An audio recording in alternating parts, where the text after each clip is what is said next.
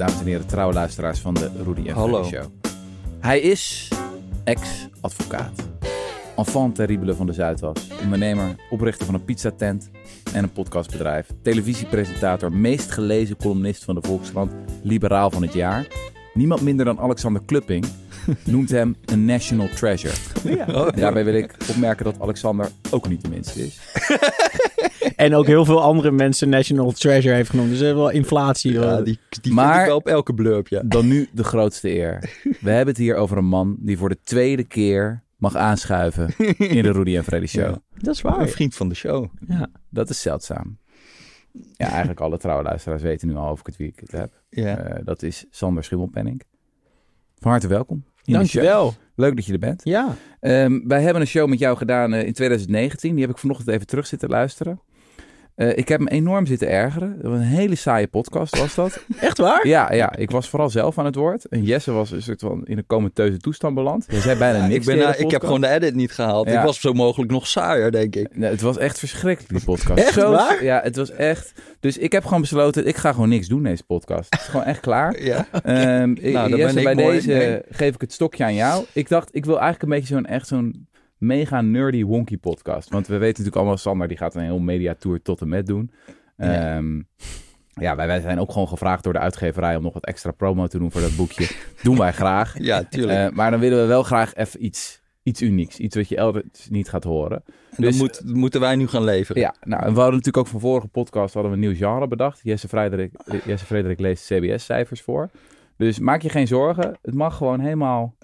Ik zeg, take it away. Oké. Ik? Wat? Ja. Nee. Laten we gewoon even chronologisch de voorstellen aflopen, toch? Dat lijkt mij toch een veel beter idee. Oké, oké, dat is ook een goed idee. Even Je hebt een boek geschreven. Eh, z- z- Zo is dat, Zo eh, is Jesse. dat. Voor. Ja, ons boek, boek, eh, boekje. Het boekje, ja, het werd al veel grapjes gemaakt op sociale maar dat is goed, media. hoor. Dat is Sandertje boekje. Ehm, Bijna alle boeken zijn veel te lang.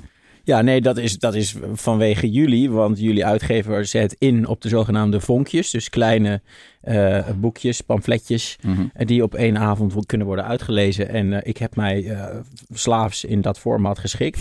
en ik vond het eigenlijk ook wel aantrekkelijk. Was wel leuk. Sorry Jess, ik ga het toch even overnemen. Ehm, maar dank voor je poging. Vijf voorstellen heb je gedaan, Sander. En nou is het wel leuk om bij te vermelden. Die heb je ook laten doorrekenen. Ja. Door wie? Het publiek voor, eh, of het, het publiek, het? Instituut voor Publieke Economie. Ja, Zo Instituut voor IPE. Economie. Ja, Ja. die kennen de vaste luisteraars van de Rudy en Freddy Show natuurlijk ook. Ja. Want eh, dat is opgericht door... Vincent, die heeft een keer hier gezeten toen Ja, jij er niet die had jij in de zomer. Ja. In een volstrekt ontoegankelijke podcast. Ja, die. klopt. Maar dat is wel echt wel gaaf. echt een hele slimme, eh, goede gast, vond ik dat. Ja, en, en die heeft gewoon gekeken van... Oké, hoe verhouden deze voorstellen zich tot elkaar? Ja. En klopt het sommetje onder de streep? Ja, en hij heeft ook wel heel inhoudelijk meegedacht. Bijvoorbeeld het eh, pensioenverhaal, waar ik eigenlijk helemaal niet zo in thuis was, Mhm. eh, is, is eh, wel ook echt uit zijn koker deels. Mhm. Oké. Want eh, ik loop gewoon even die voorstellen af. Het Ja. eerste, dat is natuurlijk gewoon helemaal Rudy en Freddy veeg, denk ik. Ja, safe. Ja, safe, safe. Ja, een hele safe, eh, safe ster. Nou ja, trouwens, dat, ja, het, het merkwaardig was, ik, we hadden gisteren die theatertour, eh, die begon in het De La Mar Theater. Mhm. En toen werd ik, ehm, werd ik echt als het gezicht van rechts Nederland gepresenteerd. Dat vond ik zo merkwaardig, want dat maak ik nooit mee. Ja, ja, dat, ja. dat zal ook denk ik alleen in Amsterdam gebeuren. In andere steden waar we langs gaan zal ik zeker niet het gezicht van rechts Nederland worden genoemd. Mhm. Ehm, maar ehm, eh, ja, misschien is dat dus ook wel onze bubbel dat dat dus een safe eh, punt wordt genoemd. Ja, ja, een inkomen is inkomen Mhm. Eh, maatregel, want in de rest van Nederland wordt dat helemaal niet eh, als safe gezien. Eh, dan zal dat ongetwijfeld tot heftige gesprekken leiden. En Mhm. zijn mensen het daar hardgrondig, diep mee oneens. Ja. Leg even uit wat je ermee bedoelt. Inkomen is Nou, inkomen. we, we- ons inkomensbegrip is eigenlijk onder druk van ons belastingstelsel soort van vervormd geraakt. Ehm vernauwd geraakt tot alleen maar inkomen uit werk. Als we het hebben over inkomen, gaat het over inkomen uit werk, salaris, loon.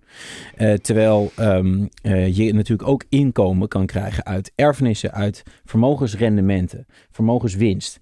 Ehm, en omdat, we, eh, omdat ons belastingstelsel zo is zoals het is, namelijk duidelijk onderscheid maken tussen inkomen uit werk en inkomen uit vermogen en erfenissen, zijn we ook gaan denken dat dat dus geen inkomen is. Ehm, maar ja, wat mij betreft is het wel inkomen. En moeten we dus dat gelijk trekken? Moeten we inkomen allemaal weer hetzelfde gaan belasten? Ja. Uh, want er is gewoon simpelweg geen valide argument om inkomen uit werk zwaarder te belasten dan inkomen uit uh, vermogenswinst of erfenissen. Geld waarvoor je niks hebt gedaan. Uh, sterker nog, als één zwaarder belast zou moeten worden, dan zou het natuurlijk dat andere, de, de mazzel-euro zijn en niet de werk-euro. Hm. Ja. Um, Want dat verschil, wat, hoe groot is dat ongeveer? Je noemt een paar cijfers daarin. Van, uh, wat is er nou als je gewoon arbeid hebt en wanneer als je een erfenis hebt? Wat betaal je daarover? Nou ja, kijk, arbeid begint uh, ergens rond de 30% en loopt op tot 2, of nou niet, niet 52 meer, maar laten we zeggen 50. En uh, bij erfenissen is, het, is de eerste 25.000 is vrijgesteld. Tegenwoordig 3, 24.000 geloof ik. Dan het deel daarboven tot 115.000 uh, of 120.000 is 10%. Ik heb het nu over kinderen en partners. Ja, ja. De meest voorkomende uh, erfenis slash schenking. En daarboven 20%. Ja. Uh, dus dat is toch aanzienlijk minder dan um, de loonbelasting. Ja. Uh, vermogenswinst is gecompliceerder door, doordat we wel vermogensrendementsheffing hebben en zo. Maar we hebben natuurlijk geen uh, vermogenswinstbelasting. Als jij je huis verkoopt en je hebt jarenlang geprofiteerd van waardestijgingen op jouw huis, waar je natuurlijk niets voor hebt gedaan, behalve dan dat het economische tij mee heeft gezeten, dan betaal je daar in Nederland geen belasting over. Steek je gewoon netto in je zak. Ja, of dat de is... gemeenschap heeft geïnvesteerd. Bijvoorbeeld er komt een Precies. mooi metrostation of een mooi ja. park in de buurt van je huis. Ja. Dat is gemeenschapsgeld. Daardoor ja. is je huis meer waard geworden. Heb je niks voor gedaan. Maar jij strijkt de winst op.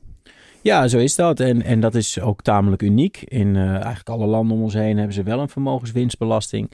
Um, dus, dus in Nederland zijn we toch uh, ja, heel erg beïnvloed door um, ons belastingstelsel en hoe we aankijken tegen wat is inkomen. Wat vinden we eerlijk om te belasten en wat, wat niet. En uh, ik wil dat doorbreken, want ik vind het gewoon niet kloppen. Ja, het is altijd wel raar ook met die erfbelasting. Dat dat, dat op een of andere manier een enorme...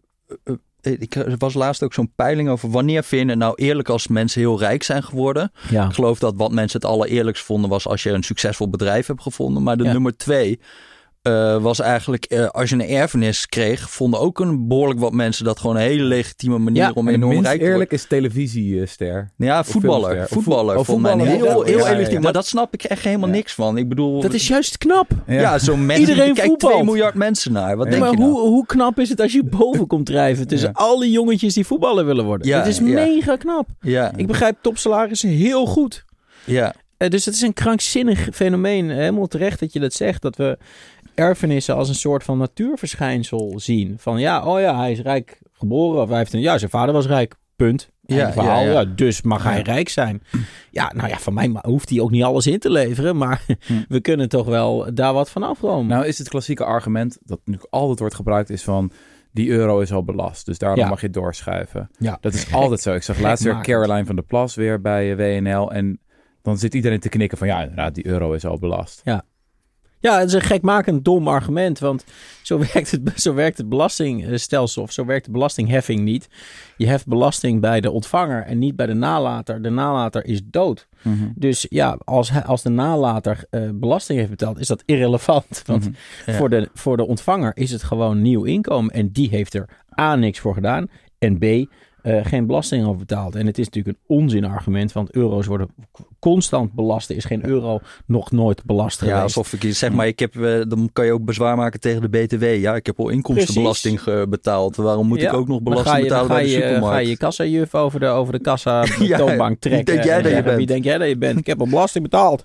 Ja. Ja. ja, die bananen zonder btw. ja. Nou ja, dat, dat, dat is natuurlijk een absurd eh, eh, idee. Maar, maar mensen blaten elkaar na en, en, en zijn heel zeker over hun zaak met dit soort dingen. Terwijl ze eigenlijk gewoon helemaal niet over na hebben Ja, ja. Ja, ik vind- ik vind het dus echt ook raar dat gewoon het gros van de mensen waarschijnlijk helemaal niet, ehm, Ja. zeg maar als je kijkt naar die erfbelasting, ook dingen als eh, die bedrijfsopvolgingsfaciliteit. Hè? Dus dat is eigenlijk dat als Ja. jij ook nog een, een, een bedrijf erft, Ja. nou ja, je zegt net van, eh, dan- kan je 10 of 20 procent betalen als je echt boven een ton zit. Als je een eigen bedrijf erft, dan zit je weer op 2 procent of 3 procent. 2, 3 procent. Ja. Ja, en dat zijn echt alleen maar grotendeels alleen maar mensen die echt miljonair zijn. Ja. Eh, eh, eh, maar daar zijn echt zoveel verdedigers En van. klagen. En oh, die mensen, ik ken ze natuurlijk allemaal. Ik spreek heel vaak voor, voor skybox-houders in Almelo of zo. Dat soort gezelschappen.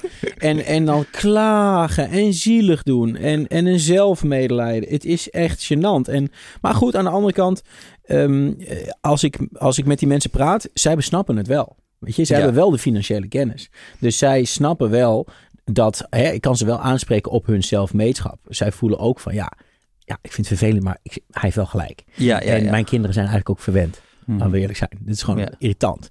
Alleen de gewone man, die snapt het gewoon niet. Ja. Dus die, die ehm, kijk, de, de rijkaards, die weten dat ik gelijk heb. Alleen die stemmen gewoon anders, omdat het gewoon tegen hun eigen belang zou zijn om daarvoor te stemmen. Maar Mhm. de, de- heel veel gewone mensen, die, die snappen het gewoon niet. Die, Mhm. die, die weten het niet omdat het ze niet wordt uitgelegd. En omdat ze natuurlijk ook heel erg de neiging hebben om. ja, eh, te- eh, zeg maar te stemmen op basis van hun gewenste portemonnee. ja. Dus zijn heel veel, dat is de aantrekkingskracht van Trump-achtige figuren. Eh, ja, ik stem rechts, want dan word ik misschien wel rijk. Weet je, dat lijkt de achter, achterliggende gedachte te zijn. Mhm. Ik wil bij de winnaars horen. Mhm. Ja. Want eh, die rijken hebben natuurlijk wel echt op ons ingebeukt met hun marketing. Van je bent een loser Mhm. als je links bent. Je, solidariteit is voor losers. Je moet het voor jezelf regelen. Je moet pakken wat er te pakken valt. Je, moet het, je bent geen dief van je eigen portemonnee. Gewoon lekker voor jezelf regelen. Nou ja, als je dat vaak genoeg hoort. Maar dan, dat zijn eh, ze dus eigenlijk wel, want zij gaan die erfenis niet krijgen. Ze betalen heel veel op hun eigen arbeidsinkomen, Ja. omdat, omdat erfenissen zo laag worden Ja. belast. Dus Ja. het is ook nog dom. Het, het- ja, nou ja, goed. Ik mag van veel mensen het woord dom rechts niet gebruiken. Maar ik vind dat altijd wel een hele treffende term voor mensen die tegen hun eigen belang in rechts stemmen. Dat is namelijk dom. Ehm, maar goed, ik zal het niet gebruiken.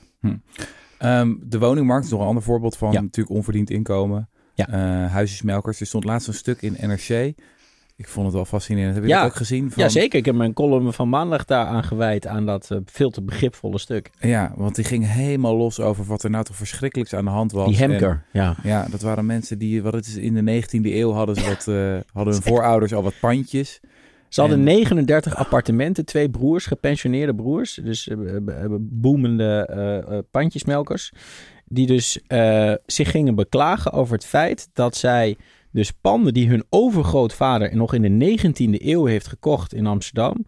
Dat ze daar misschien van die 39 appartementen, dat ze misschien wel gedwongen waren om daar één of twee van te verkopen. Ja, dat is ook heftig. Onnoemelijk leed.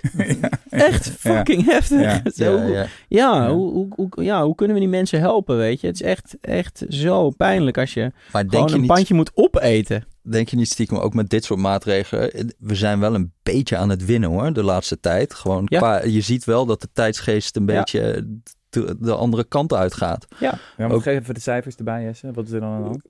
Cijfers erbij. Ja, Nee, maar gewoon, Nee, ik ik bedoel ook in die strijd van belastingontwijking. Ik kan Ja. me nog wel herinneren, 2005, Joop Wijn, ja, die deed de ene naar de andere Ja. gat de belastingwet in, inschrijven. En niemand die ernaar kraaide, niemand die het boeide. Ja. Afgelopen paar jaar echt, toch echt wel echt stappen gezet tegen belastingontwijking. En ook in Ja. eigen land gewoon, eh, eh, ik bedoel, nu met die, inderdaad, met die, met die eh, pandjesbazen die in box 3 hadden ze allemaal voordeeltjes. Ja. Dat ze eigenlijk eh, die, rendementen lager ratio, ja. Ratio, ja precies. Nou, die, gaan, die vervallen allemaal. Je kan niet meer zo makkelijk van je eigen bedrijf lenen. Dat was ook een Ja. truc, hè. Dus dat je gewoon in plaats van jezelf winst uitkeren...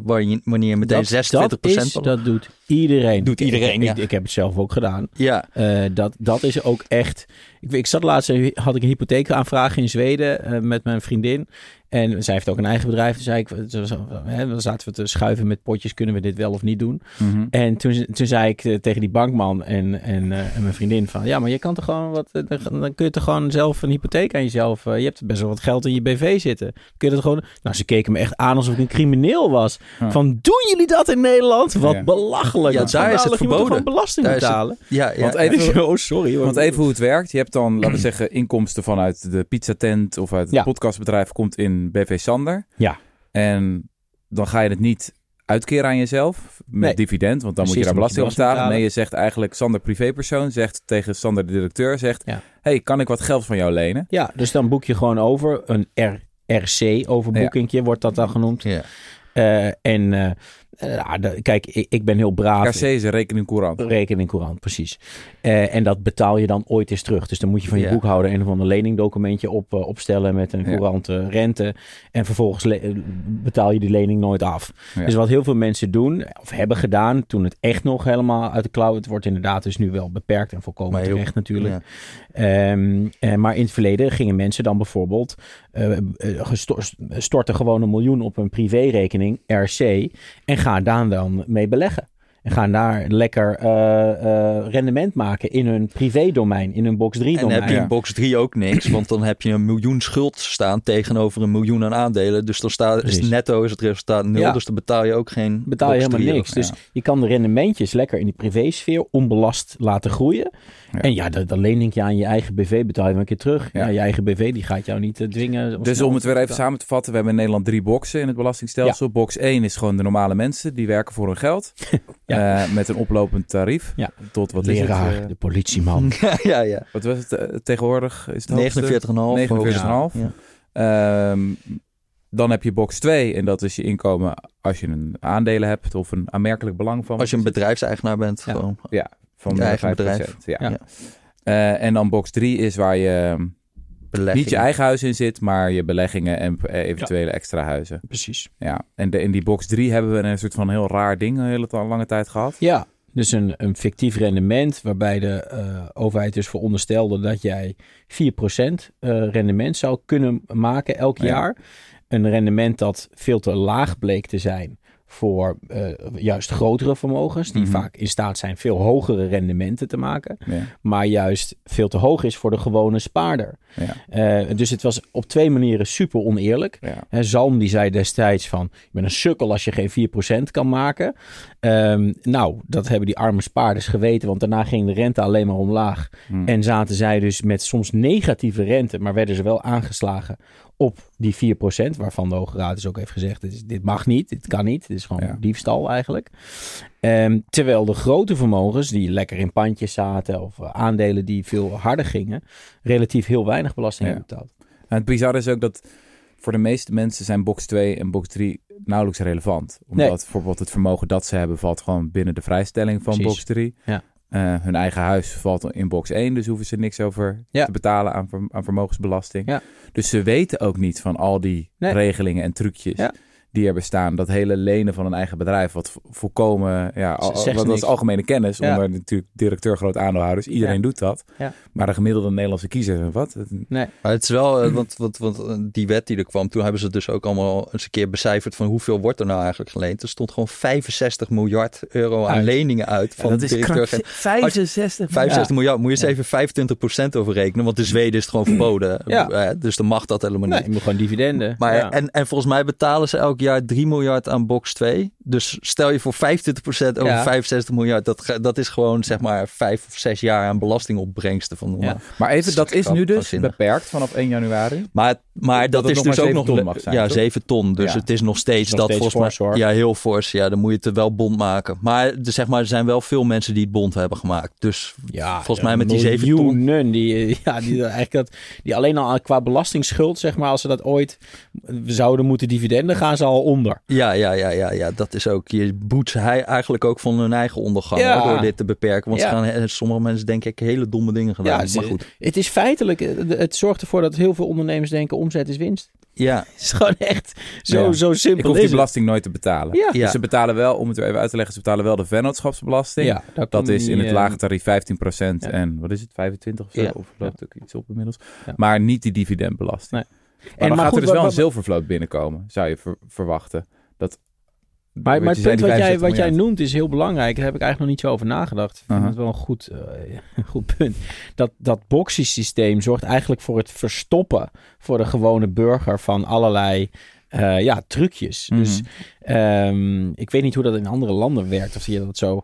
Het, het, het, wordt, het lijkt bijna ontworpen om ja, ingewikkeld te klinken en vaag en eh, onbegrijpelijk. Zodat de gewone man eigenlijk Ja. niet snapt wat daar ik, gebeurt. heb, ik heb dat altijd ook met... Ik had natuurlijk vorige week was dan Davosweek, weet je wel. Ja. Eh, dat waren mijn Oh ja, 50 precies. Krijg jij 50 daar uitnodigingen voor? Ja, dan is allemaal media natuurlijk bellen van... oh, vind je Ja. nog steeds zo erg die belastingontwijking? En dan, nee, heeft niet meer. Dan- dan, dan begin je wel eens over box 2 of zo. Ja, en je voelt al meteen van... Dit, dit gaat hem niet worden, weet je wel. Dit wordt er niet in opgenomen. En, ehm, maar ook daar vond ik het wel weer interessant... om even de positieve noot toe te voegen... is dat eh, er echt wel veel is gebeurd, hoor. Dus Ja. op Europees niveau... vorige maand eh, hebben we het ook over gehad... Van, eh, dat er die eh 15% minimumtarief komt voor Ja. grote bedrijven. Loopt de Europese Unie echt voorop. Ja. Ehm, ja, het is ook niet helemaal duidelijk nog of Nederland specifiek nog een belastingparadijs is. Nee, Dus de, Niet echt. de, de stroom van geld naar echte belastingparadijzen vanuit Nederland is sinds 2019 met 85% afgenomen. Ja. Nou, toch best wel nee maar ik... mooi alle nieuws. Er zijn nog wel allerlei alle dingetjes die, die, die nog op het verlanglijst Ja. staan. Maar als je het gewoon hebt over de trend, Ja. denk ik dat het wel de goede kant op Ja, je gaat. proeft heel duidelijk ook een sentiment bij, eh, bij het kabinet of bij de overheid, misschien wel breder, van eh, laat maar zien.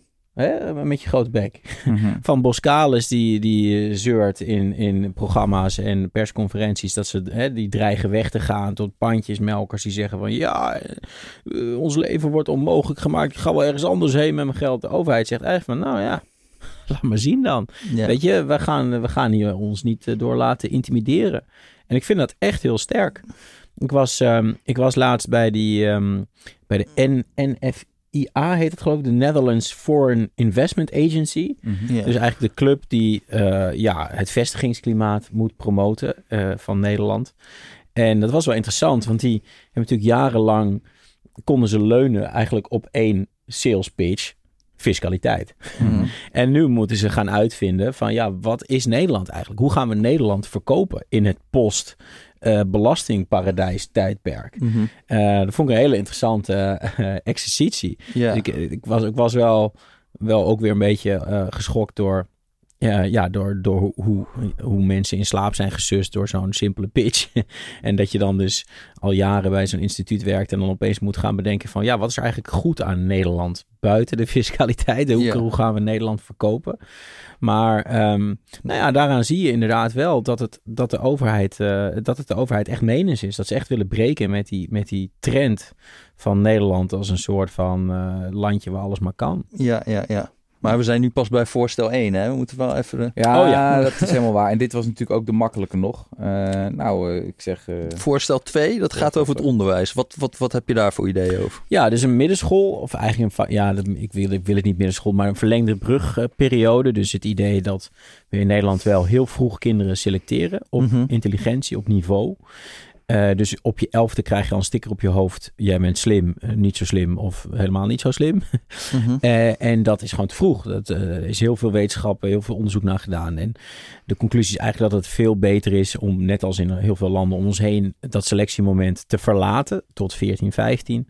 Eh, de, de superslimme kindertjes, die verliezen daar wat. Want die ja, zitten langer in een groep kinderen die ja, misschien ze niet echt uitdagen. Hè. Ze, ze, ze worden niet eh, echt eh, geprikkeld. Al kun je wel differentiëren natuurlijk als leraar in zo'n systeem. Maar dat verlies is veel kleiner dan de winst die er, eh, hè, de maatschappelijke winst eigenlijk, die het oplevert door juist die veel grotere groep onder die super slimme kinderen langer bij elkaar te houden en dus ook langer bij die slimme kinderen te houden. Ehm, dus ehm, ja, onderaan de streep is dat gewoon een, een winstsituatie. Ja, want ik had nog wel even gekeken, want CPB en zo, die hebben ook zo'n publicatie van kansrijk onderwijsbeleid. En die Ja. zijn eigenlijk best wel pro, juist dat je, dat je kinderen van gelijk niveau vroeg bij elkaar zet. Ja, Eh, dus die zijn niet per se zo heel erg voor zo'n brede. Dus wel bijvoorbeeld dat ze best positief zijn over VMBO, T, HAVO. Ja. En dat je dat soort brugklassen hebt. ja. Maar een super brede brugklas van VMBO tot, tot VWO, daar tot zijn, ze, ja. daar zijn ze eigenlijk wel best wel sceptisch over. Ja. Waarom? Eh, nou ja, Ja. om- omdat, zij dus, omdat zij dus er niet echt bewijs is dat dat positief is voor de, voor de eh, onderwijsprestaties. Dus was ook zo'n literatuuronderzoek van ministerie van uh, OCW, OCW. En die zeggen dan een zeer heterogene brugklas van VMBO tot en met VWO heeft minder gunstige effecten voor op de schoolloopbaan voor leerlingen met MAVO, HAVO en VWO-advies. De kans op het bereiken van een hoger onderwijsniveau verkleint bij te grote verschillen tussen leerlingen in brugklassen. Ja, Dus die zijn daar eigenlijk wel wat sceptisch Ja, over. nou goed. Ik, ik heb, eh, uit de onderzoeken die ik heb bestudeerd blijkt dat het, dat het wel eh, beter is. Hm. Eh, dus er zijn dan natuurlijk ook gewoon weer andere onderzoeken over. En, vaak in het buitenland, want daar doen ze het. Ja, Ehm, eh, maar goed, ik zeg ook helemaal niet dat je dan iedereen bij elkaar moet gooien. Maar ik heb wel het idee dat, dat we minder rigide eh, moeten scheiden al op 11-jarige leeftijd. ja, En, ehm, en dat dat ook gewoon zorgt voor stigma. Dus niet zozeer alleen vanwege die eh verhoogde kansen. Ja. Maar die, dat onderscheid wat in Nederland natuurlijk heel erg vaak en terecht denk ik beklaagd wordt tussen eh, hoog, laag opgeleid, praktisch, theoretisch gestold, hoe, hoe je het ook maar wil noemen.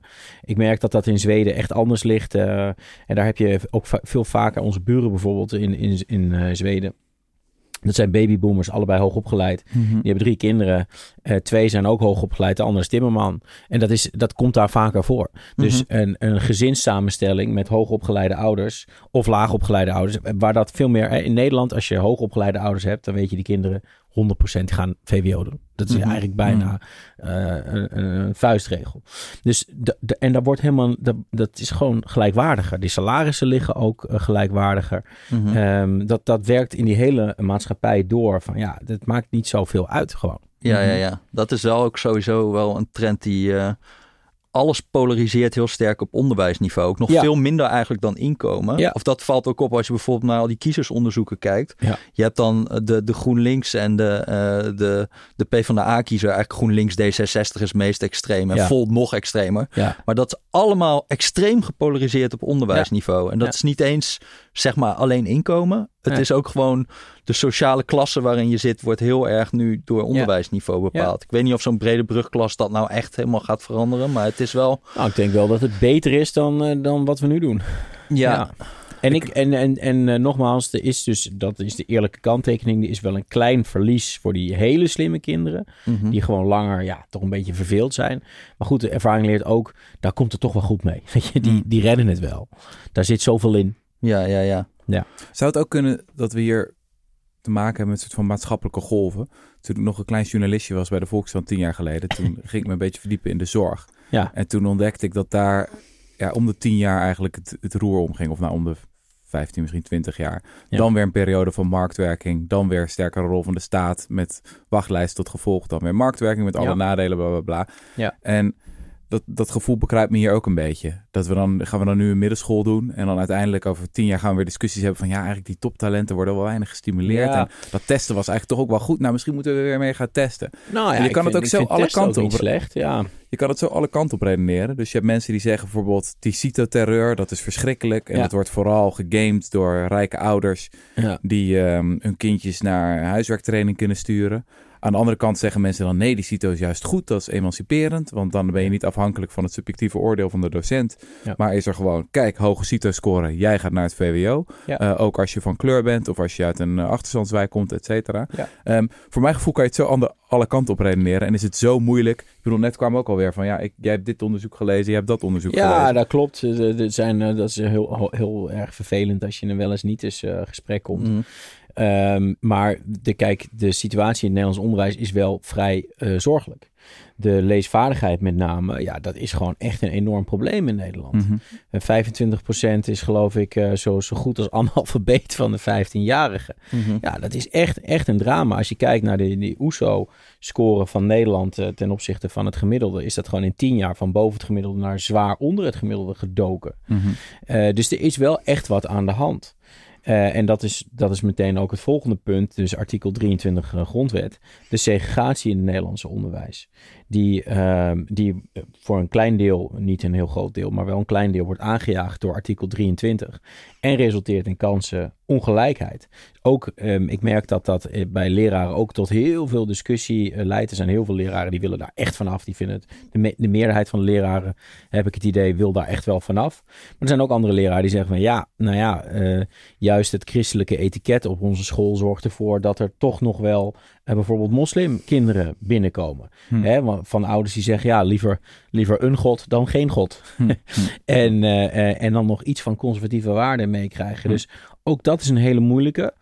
Ehm, waarbij artikel 23 voor mij meer een, een principe kwestie is. Omdat het gewoon nu misbruikt wordt voor forumscholen en eh, weet ik Met drie leerlingen. Maar vergt dat Ja. een grond, grondwetswijziging of eh, is dat gewoon iets van een beetje handhaven op...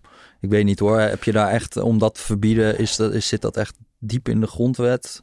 Ja, het zit in de grondwet, ja. Nou ja, wat mij betreft hoort het daar niet thuis. Maar inderdaad, wat je, het, is, het is wel Maar heel er moeilijk om drie te gaan- leerlingen, ja, en dan denk je ook van, ja, gaan we nou een traject in voor 15 jaar omdat we dit een beetje irritant vinden? Nou, Er is echt wel, de onderwijsinspectie zegt wel gewoon hard dat eh, artikel 23 wordt misbruikt eh, om segregatie aan, aan te jagen. Hè? Mhm. Dat wel degelijk in sommige gebieden eh, christ, het christelijke etiket wordt gebruikt om bepaalde kinderen buiten de deur te houden. Mhm, ja. Ehm, Ja. en, en, dat, en dat moeten we echt niet willen. nee. Ehm, en ik vind wel de individuele vrijheid van het kind eh, heel zwaar wegen. Ik vind het echt problematisch dat als je thuis al eh, lastig wordt gevallen met een of andere god, dat dat dan op school ook nog moet. ja. Ehm, dus ja, ik vind het wel een, een principepunt. En eh het heeft misschien minder met de kansengelijkheid te maken, maar wel met de vrijheid Mhm. van het kind. Mhm. Eh, voorstel 3. Belast pensioen eerlijk. Dat vond ik een interessant hoofd. Er staat ook echt een aantal dingen in die ik niet wist over hoe pensioen zwaar wordt gesubsidieerd in Nederland. Het is ook altijd wel interessant dat als we het over vermogen hebben, dat we heel vaak denken van aan die eh, rijkste 1, 2 procent of zo. Ja.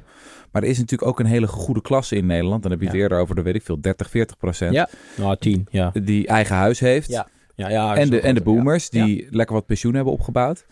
En dat wordt dus zwaar gesubsidieerd eigenlijk. Le- Leg eens uit hoe dat werkt. Nou ja, in Nederland kennen we de zogenaamde omkeerregeling. Wat betekent dat als jij je salaris ontvangt, jouw inkomen uit werk, dat jij ehm, je pensioeninleg eh, onbelast mag inleggen.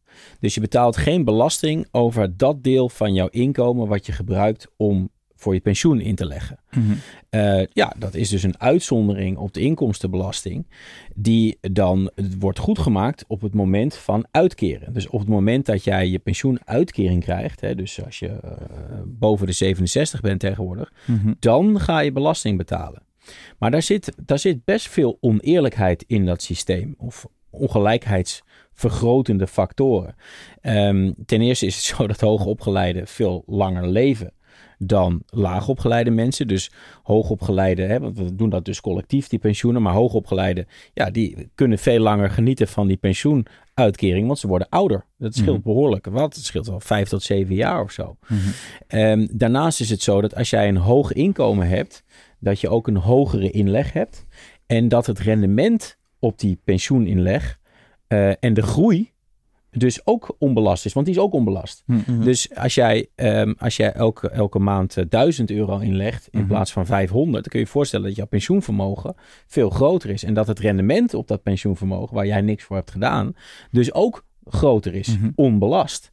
Eh, dus er zitten veel eh, ongelijkheidmakers in dat pensioensysteem. En ehm, de, het idee was altijd dat, dat je dus een wortel en een stok nodig hebt voor mensen om pensioen te sparen. Dus de, de, de stok is de werkgever eigenlijk, Mhm. die jou verplicht om in te leggen voor het pensioen. En de wortel is die subsidiëring. Maar mijn idee is, eh, de stok is genoeg. Hm. Als je wil, hè, als je vindt dat mensen blijkbaar niet voor zichzelf kunnen zorgen en je dus heel paternalistisch vindt, wij moeten eh, jouw gedrag gaan beïnvloeden, want je bent een sukkel en anders spaar je niet voor later. Mhm. Nou, dan is die stok genoeg. Dan heb je die subsidie helemaal niet nodig. Zeker niet omdat die subsidie dus ongelijkheidsvergrotend werkt. ja, En door- om nog even een cijfertje aan te plakken. Het Instituut voor Publieke Economie heeft dat berekend. Wat was het? 16 miljard of zo? ja, dus 16 miljard. de allergrootste vermogenssubsidie denk ik die er is hoor, als Ja. je dit zo Op ziet. jaarbasis 16 En dat miljard. meer dan ook- 16 ook miljard. Wat geven we aan basisonderwijs uit? 13 miljard of zo? I- Iets Dus- minder, ja. Ja, om, om Ja. even een idee Ja. te krijgen van de orde van grootte. Dit is gewoon echt heel veel geld. Heel veel dat geld. jaarlijks gaat. En het, en het komt natuurlijk uit de gedachte, en dat is niet helemaal, ja, dat is wel begrijpelijk. Vroeger was de oude dag natuurlijk iets wat mensen vreesden. Oud worden was, eh, was ja, prettig. Mensen werden vaak niet oud.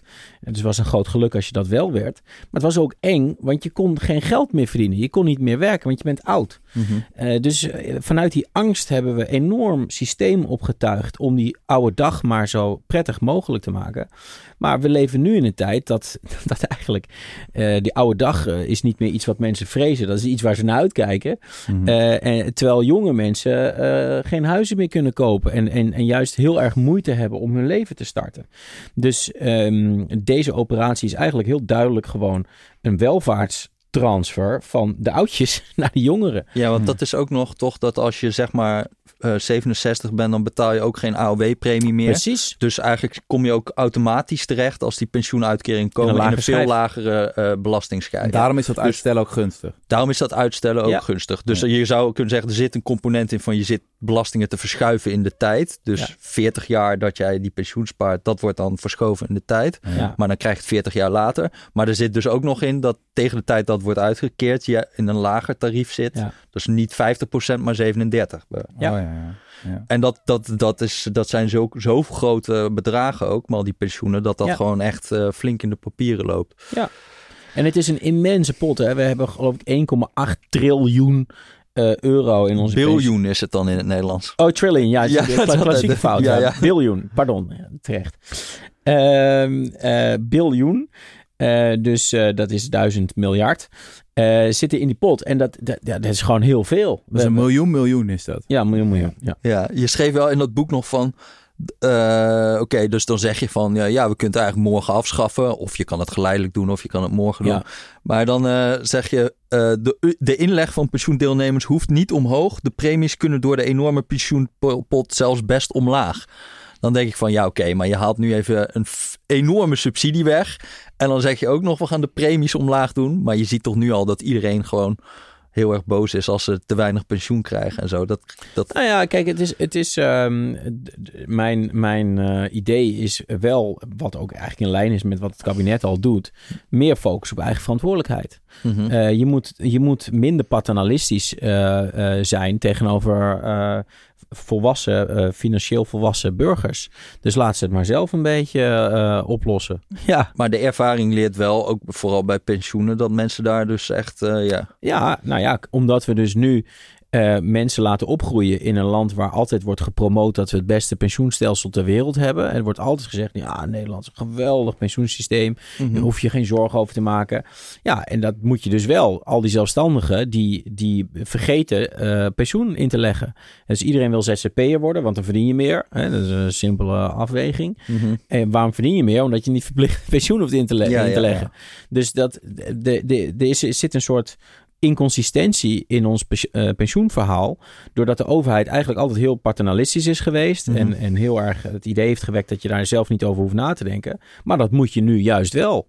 Dus ja, ik vind dat, dat Wat we... was jouw, want dat eens in verhalen van ga dan die, eh, die stok nog breder doen, dus ook ZZP'ers dwingen? Of Ja. wil je gewoon voor iedereen het juist heel, helemaal liberaliseren? Nou, dat, dat, dat laat ik aan, aan het politiek over. Maar, maar, Oké, maar- nee. oh, oh, heel politiek antwoord. Nee, maar wees, nee, maar wees, nee, ja, maar Dat is wees, in ieder geval consequent. Ja, Ja, ja, ik, dat ik ben eh, liberaal, dus ik Ja. vind dat mensen hun eigen verantwoordelijkheid moeten nemen. Maar als we, als we zeggen, we vertrouwen de mensen niet, ja, dan is die stok genoeg. Ja, dat is ja, het punt. Ja, Hm. ja. ja. Het is ook nog wel interessant om je te bedenken wat gigantische transformatie het is geweest. Hè? Ik bedoel, het is niet zo heel lang geleden dat juist ouderen de, de, Ja. de mensen waren waar de meeste armoede Ja, dus in de meeste Zeker. landen is Ja. dat ook nog steeds zo. Maar in Nederland is het echt Helemaal absurd hoe, zo, ge- ja. hoe, hoe laag die ouderenarmoede is. Nou, Ja, niet absurd, even- maar het is ook natuurlijk een enorme... eh, Dat is goed, knap, dat is fijn ja. dat we dat voor Nog even een uh, petit histoire personnel.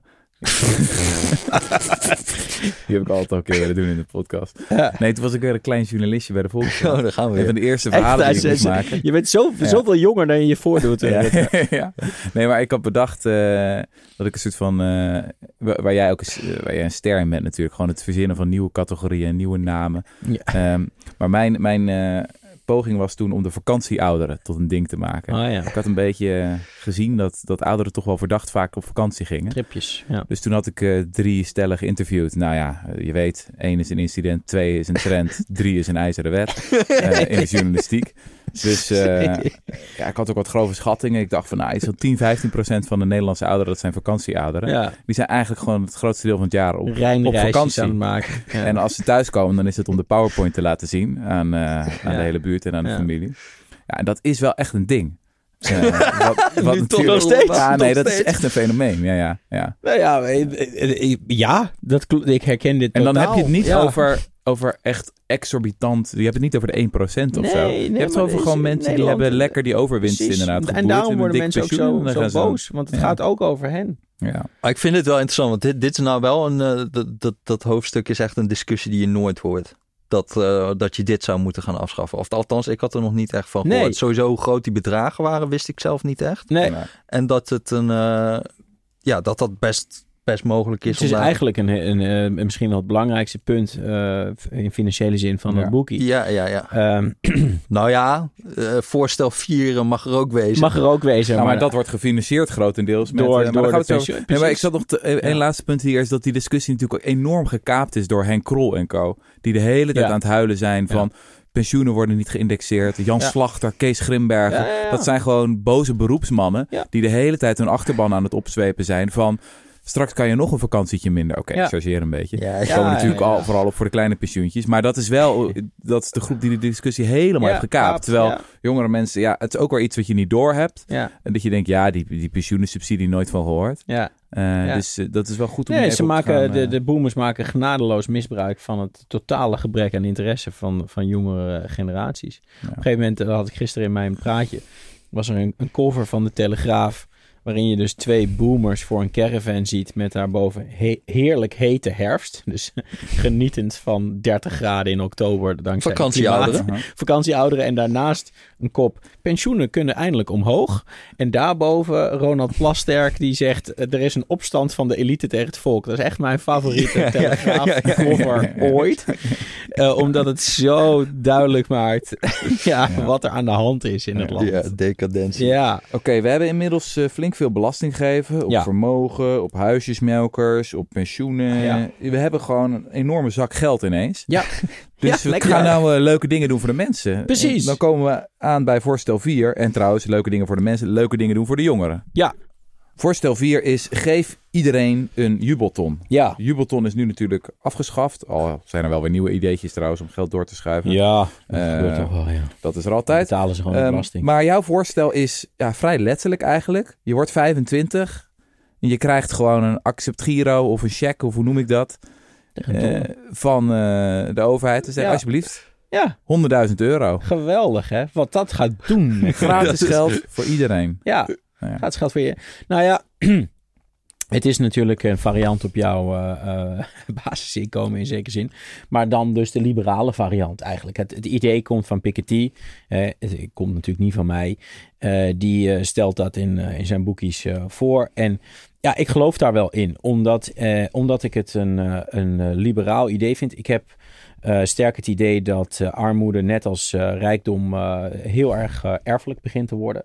En dat je dus als je wil doorbreken dat generaties lang opgroeien in een soort van mindset van, van maand tot maand overleven. Van altijd die stress, die geld, onrust in je lijf.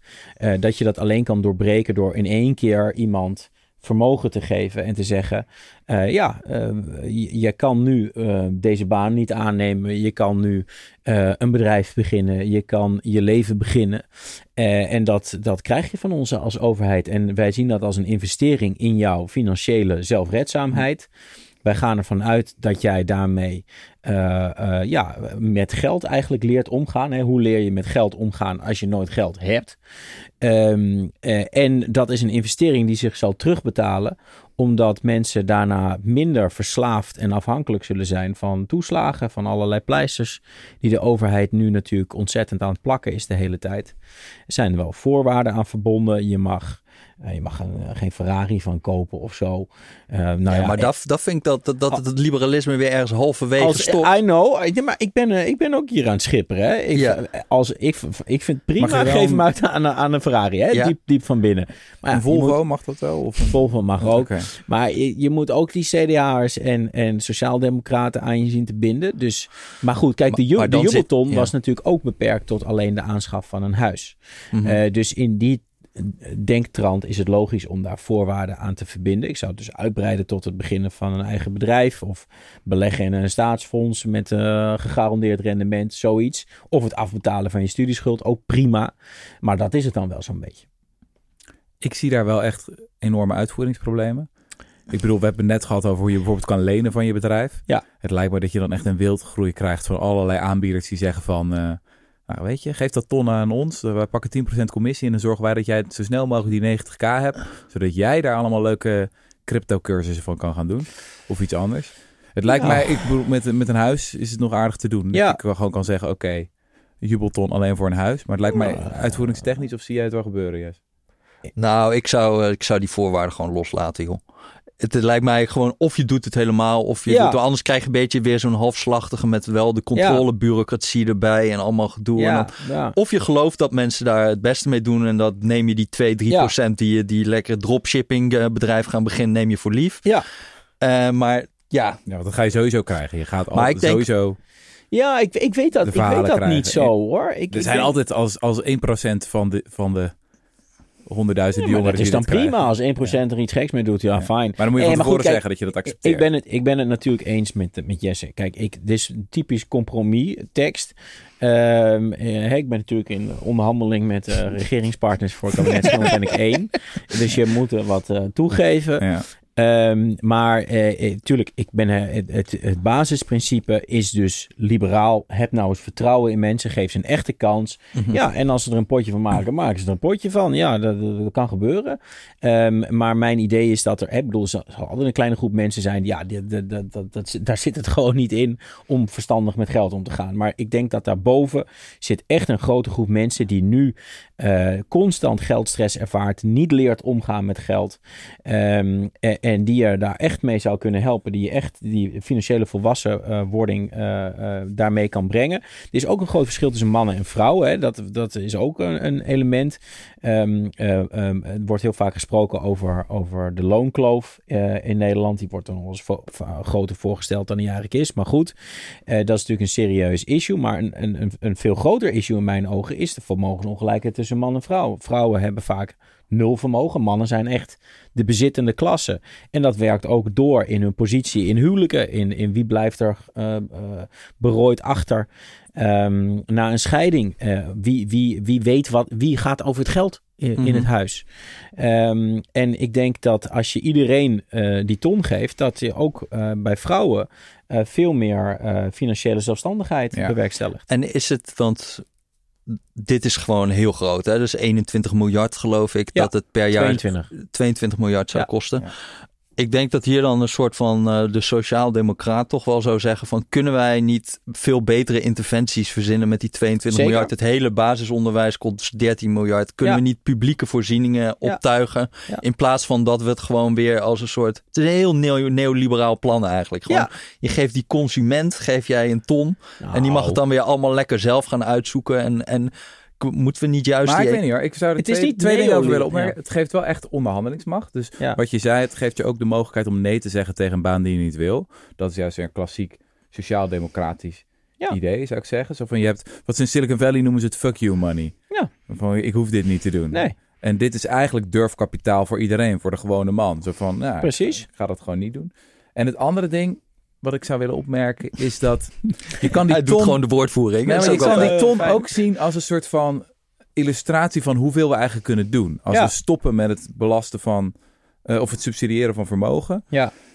Dat, het dus, dat je zoiets krankzinnigs kan doen. Want Ja. het, is, Ja. het is natuurlijk krankzinnig. En laten we wel zijn, het gaat nooit gebeuren. Nee. Ehm, maar je Eh, kan dus... Wat? Nee, wel. Ja. wel gebeuren. Maar je kan zoveel leuke dingen doen voor de mensen. Als je vermogen eerlijk gaat Nou belasten. en ook- daarom vind ik het wel een heel krachtig voorstel weer. Want mensen denken wel van, wat? Een? Ja. Voor iedereen als die 25 Ja, is? Dat eh, kan je dus doen? Ja, dat kan je doen. eh, die had ook eh, Piketty gelezen en die kwam dan met 18.000 euro of zo, weet ik veel, zo'n soort bedrag. Ja. Ja, hè, er is weer eh, vlees nog vis. Dit moet Ja. gewoon een ton, precies. Ja. Ik onder vind- dit eh, idee. Het, het, bedrag klopt ook gewoon ongeveer met wat er elk jaar geloof ik aan erfenis en schenkingen wordt Een ton, gegeven. ja. Dus Ja. nee, zeg maar het, totaalbedrag aan erfen- erfenis en schenkingen is 22 miljard. Klopt. Ja. Dus als je die 100% zou precies, belasten maar dat is dan, dus... Dat is, en dat, alles herverdelen. Ja, maar dat krijg je dus meteen van... Ja, maar hoe, je gaat die, al die jonge mensen toch niet een ton geven? Dan gaan ze toch... eh, Dat is toch je- het gebeurt jaarlijks. Ja, Alleen ja. maar een kleine groep Nog mensen. veel meer. En nog veel meer. Ja. Dus al die ouders die geven hun eigen geld aan hun kinderen.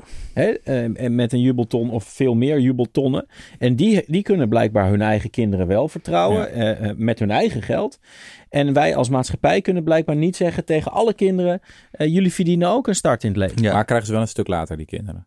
Ik bedoel, Vaak niet. Nee, ook rond 25. nee, toch? Ouders worden ook al ouder. Nou, nee, maar de voor- jubeltonnen die worden vaak eh, aan ja, oké, twintigers ja, ja, gegeven. Ja, dat is waar. ja. En, Ja. en, eh, en, en juist dat, dat hele late erven, daar moeten we ook vanaf. We hebben een samenleving vol met prins Charlesjes. Ja, Die zitten te lachen tegen hun moeder met Ja. een, met een, als een boer met kiespijn. Van wanneer ga je nou eens dood? ja. Eh, ja, eh, dan ben je, ben, je, ben je 60, krijg je nog een erfenis. Waar heb je eraan dan? Ja. Dat Het lijkt mij wel heel interessant. Ik zou daar wel eens wat slimme koppen over willen horen van als je dan voorwaarden gaat doen, want dat moet politiek gezien moet. moet het sowieso. Ja. Hoe richt je dat dan op In? verstandige manier in zonder Ja. dat je een ja, hele is niet industrie het grootste ding wel een beetje, dat, dat, dat is ook altijd bezwaar tegen basisinkomen, van ja, je geeft het dus echt aan iedereen. Dus het is wat dat betreft Ja. ook niet heel erg eh, nee, gericht. Nee, maar dan kom je Maar bij het wel laatste punt, belastingen, want daar ja. zit dus een wisselwerking. Ja, ja, ja. Je moet er wel wat voor doen. Ja, dat voelde wel heel elegant het boekje rondgekregen. Maar oh ja, wat gaan we doen? Een maatschappelijke diensttijd voor iedereen. Ja, ja, dat is... eh, Ja, dat dat is gaat natuurlijk al helemaal nooit gebeuren. Waarom niet?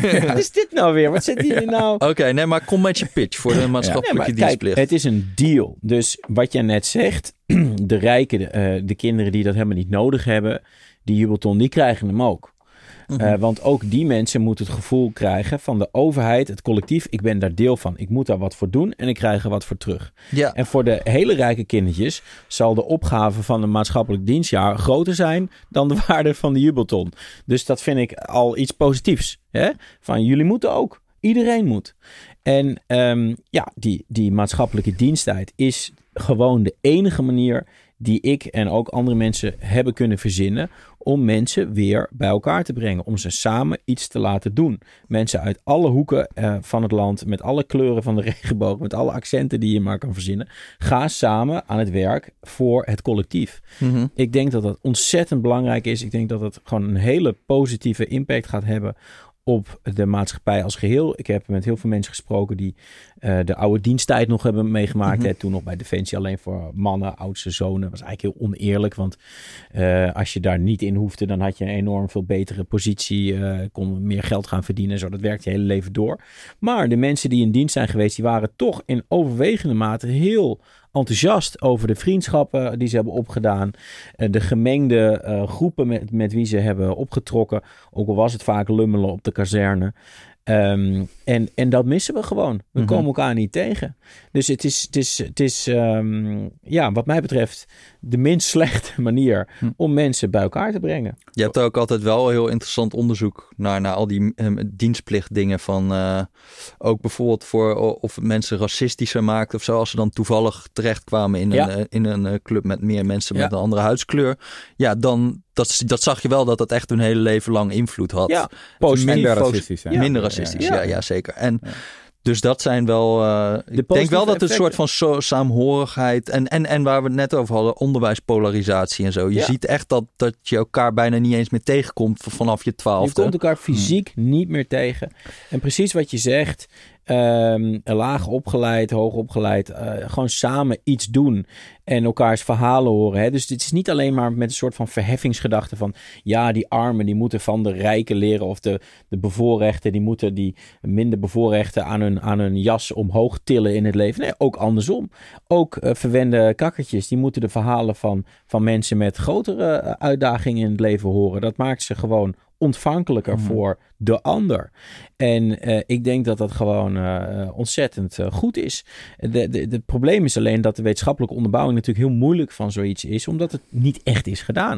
Het enige westerse land waar een dienstplicht geldt voor een heel groot deel eh, van de bevolking is Israël. Mhm. En de, effecten daar zijn eh, duidelijk positief. En Finland, hè? Maar dan vooral voor de... In Finland mannen. ook. En in Finland zie je dus ook dat, dat dus, eh, nou ja, wat Jesse zei, dat het eigenlijk de diversiteit van die groep ervoor zorgt dat de politieke ideeën later positief worden beïnvloed. In de zin dat er minder racisme is eh, en dat er meer eh, respect is voor, voor laag, eh, tussen laag en hoog opgeleide. Minder gepolariseerde ideeën over de wereld, eigenlijk kort gezegd. Ehm, alleen dan is er vaak het economische argument dat er dus eh, ja, inkomensverlies wordt geleden. Als jij een jaar eh, van je leven opoffert om voor de overheid of het collectief eh, werk te verschaffen, Mhm. eh, werk te doen, ja, dan heeft dat impact op jouw verdiencapaciteit later. Maar ja, ook daarvan is de wetenschappelijke onderbouwing ingewikkeld, want daar, eh, dat is altijd gemeten in landen waar dus maar een klein deel van de bevolking dat moest doen. Ja. En dus automatisch, dat is heel logisch, eh, eh, een deukje krijgt in de verdiencapaciteit ten opzichte van de groep die het niet hoeft. Ja. Ja. Maar als je het allemaal laat doen, ja, dan is die, die onderlinge verschillen zijn er dan Ja, niet. dus er moeten geen uitzonderingsregelingen zijn. Want Nee. die waren er natuurlijk heel veel als je naar de man, universiteit vrouw, ging. iedereen. Nou iedereen. ja, dat wat al, die je economische, wat al die economische onderzoeken doen, is gewoon: je hebt het jaar dat de dienstplicht is afgeschaft. Ja. En dan kijk je gewoon naar die mensen die daar vlak voor zaten en mensen die daar vlak na zi- zitten. Ja. Ja. Eh, dus die hebben het net niet gekregen. En dan kan je eigenlijk vrij goed zien dat wel het een enorm inkomensverlies heeft in de rest van je leven. Ja. Maar dan kan je natuurlijk de vraag stellen: wat als je in de periode zit dat iedereen dat heeft? Ja. Want dat dat verschil er is. Maar oké, dat zijn wel Het is een relatief verschil. eh, of, of een, ja, dat, dat weten we dus niet. Nou goed, en, en eh, het is dus uitdrukkelijk een uitruil met die ton. Ja. Hè? Dus eh, kijk, op dit moment mag een dienstplicht niet. Mhm. Want dat wordt gekwalificeerd als dwangarbeid. Door Europese wetgeving, wist ik niet. Oh ja? Dat laatst een praatje kwam met meneer Alexander eh, Rinoy Kan. Die kwam naar me toe en die zei... Ja, leuk en, a- leuk en aardig, maar dit klopt allemaal niet. En al- alles moet anders. Weet je wel, zoals zo'n oude boomer dat Ja, is een mooi figuur hoor. Zo, zo, Een leuke meedenker. was een aardige man hoor. Eh, maar hij zei wel tere- iets terechts. Hij zei namelijk van ja, weet je, een, een dienstplicht voor iedereen, dat mag niet. Dus vandaar dat het kabinet eh, nu ook een soort vrijwillige diensttijd aanbiedt. Hè, dat, dat staat in, in, in het kabinets of in het regeringsakkoord. En dat doen ze dus ook. Je kan je aanmelden, dat kun je Mhm. vrijwillig doen. Maar je mag mensen niet dwingen. Maar dat, daar is die, die ton dus ook weer een truc Ja. voor. Je krijgt gewoon een beloning. Ja, ja. Ja, ja, Je krijgt gewoon een Het is gewoon beloning. heel goed Oh, betaald. ja, Ja, ja, Het is ja. gewoon heel goed betaald. Ja. Ja. Eh, en dat is nadrukkelijk de deal. Dus Een je ton moet belastingvrij. Niet de stok, alleen de wortel. Nee, nee, ja, het is, het is gewoon, het is precies eh, beide. Ehm, je moet als, als jongere denken, ja, oké, shit, ik moet een jaar in dienst, wel heftig, maar ik krijg wel straks die ton. Ja, En, en dat is gewoon een deal met de overheid. Het collectief geeft, het collectief neemt. mag ik mooi. toch een paar kritische noten hierbij? nee, dat Ja. mag helemaal niet. Als je dan kijkt naar Nederland, hè, de, dus de soort van de participatie van mensen van 18 en 24, dus de mensen die geen opleiding volgen of geen werk, die, Ja. die is het laagste van iedereen in Europa. Dus Ja. maar iets van 5% van alle 18 en tot 24-jarigen volgt geen opleiding of vol- doet geen werk. Ja, Eh, nou, in Italië is dat 20% Ja. of zo. Dan vind ik het verhaal toch wel wat anders. Maar is het nou echt een probleem dat die maatschappelijk niet echt meedraaien? En je hebt natuurlijk op dit moment gewoon enorme arbeidsmarktkrapte. Dus, we, dus Ja. als je nou 200.000 of 220.000 mensen onttrekt. Ja. dan hebben we eigenlijk... Ja, Ja. dan, dan Ze mogen niet op die dan kazerne kunnen gaan we, kunnen we moeten helemaal... wel echt billen gaan wassen. Nee, maar dat, dat, correspondeert met elkaar. Er is natuurlijk is krapte, maar ze gaan ook, gaan ook werk toevoegen. Ik bedoel, Ja, je maar wil dat heus wordt het verdringen en dan... Nou ja, goed. Nou, Ja. je, wil, je wil heus geen professionals, eh, verpleegkundigen of zo beledigen door te suggereren dat een 18-jarige vers van de middelbare Ja, school hetzelfde werk precies. kan doen. Natuurlijk niet. Maar ik weet zeker dat er heel veel plekken zijn in de maatschappij waar, een- waar een gezonde 18-jarige gewoon waarde kan toevoegen en, en fysiek Mhm. eh, eh, bij kan dragen. Eh, dus ik denk dat dat behoorlijk met elkaar correspondeert. En eh, dat in Nederland heel veel mensen werken. Dat is fantastisch. Maar dat betekent niet dat ze met elkaar mengen. Nee, dat, Dat, is waar. betekent niet dat het burgerschap op orde is. Hm. Eh, dat betekent niet dat ze naar elkaar luisteren, dat ze elkaars verhalen kennen. Ehm, en dat moet. Ja, ja, ja. En, en, en je hebt wel dan dat eh, als we dan de doorrekeningen gaan kijken, dat daar een, een bescheiden bedrag geloof ik van 2,1 miljard of zo staat Ja, voor rest, die restpostje. restpostje voor de diensttijd. Ja, Maar als we die studies serieus zouden nemen van dat het echt 5% inkomensverlies wordt, dan, dan loopt dat wel op naar 15, 16 miljard eigenlijk. ja. Dus het is wel eh, een, een Dus beetje een magische voetnoot die hier... de, ja eh, maar dan, kijk, dan- eh, ik ben van de ondernemende overheid. hè. mevrouw, eh, mevrouw Matsukato. en het creatief eh, boekhouden blijkbaar. Nee, helemaal niet creatief boekhouden. Nee, ja, nou ja. Eh, het, het, het, het- het- ja, hoe heet het? Matsukato heet ze toch? Ja, ja. Ja, Ja, die, eh, dat, dat vind ik een heel, eh, heel goed verhaal. Daar ben ik helemaal van. Ja. En dat kun je niet neoliberaal noemen. Nou ja, ik vind het investeren in het Ik collectief. ga je even helpen. Ja. Ik zal het even samenvatten. Dus voorstel 1, belast winst uit vermogen en erfenissen net zo zwaar als inkomen uit werk. Dat is het belangrijkste voorstel van het boekje, Ja. wat mij betreft. En dat gaat gewoon gebeuren. En het is denk ik heel goed dat je extra olie op het vuur gooit. En, Ja. en moeten we denk ik ook wel scherp zijn dat we het lijstje blijven aanvullen. Weet je wel? Na Ja. de huisjesmelk is, we moeten die bedrijfsopvolgingsregeling moeten echt ja, aan. die moeten Ja. En Landbouwvrijstellingen, al die landbouwvrijstellingen, weg. nog een heleboel.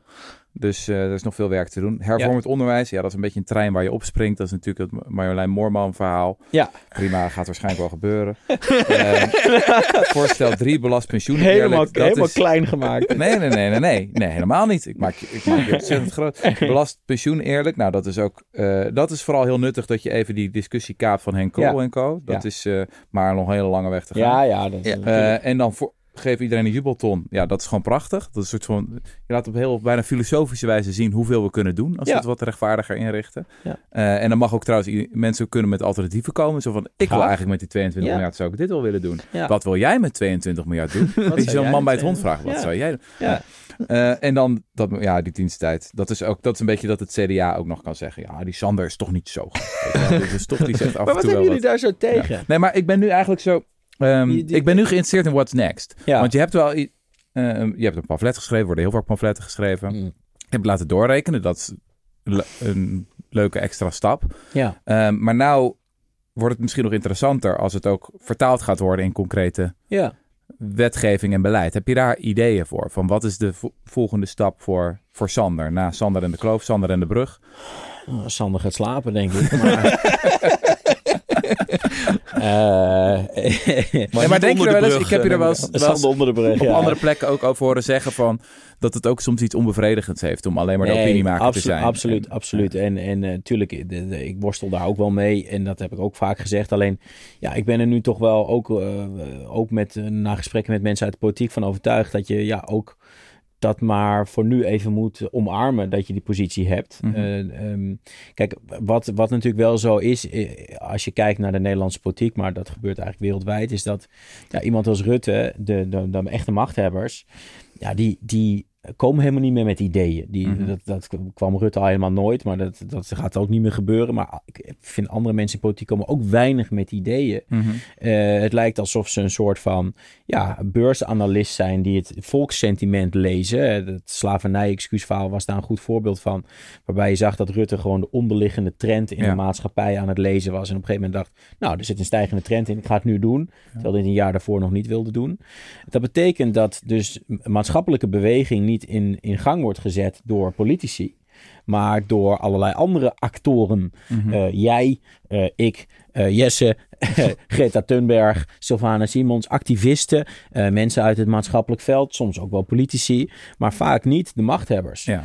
En ehm, ja, de vraag is dus, waar, waar heb je meer impact? Nou, ik, ik, waar ik wel mee worstel, eh, want, want die positie, ja, die is heel prettig. Maar waar ik wel mee worstel is dat je, dat- ja, ik heb natuurlijk ook wel heel groot respect voor politici. Ja. En eh, voor het politieke vak. En, en, en het modderworstelen en het trekken aan dode paarden, wat er gewoon bij hoort. Wat ik eigenlijk ook heel eervol vind, weet je wel.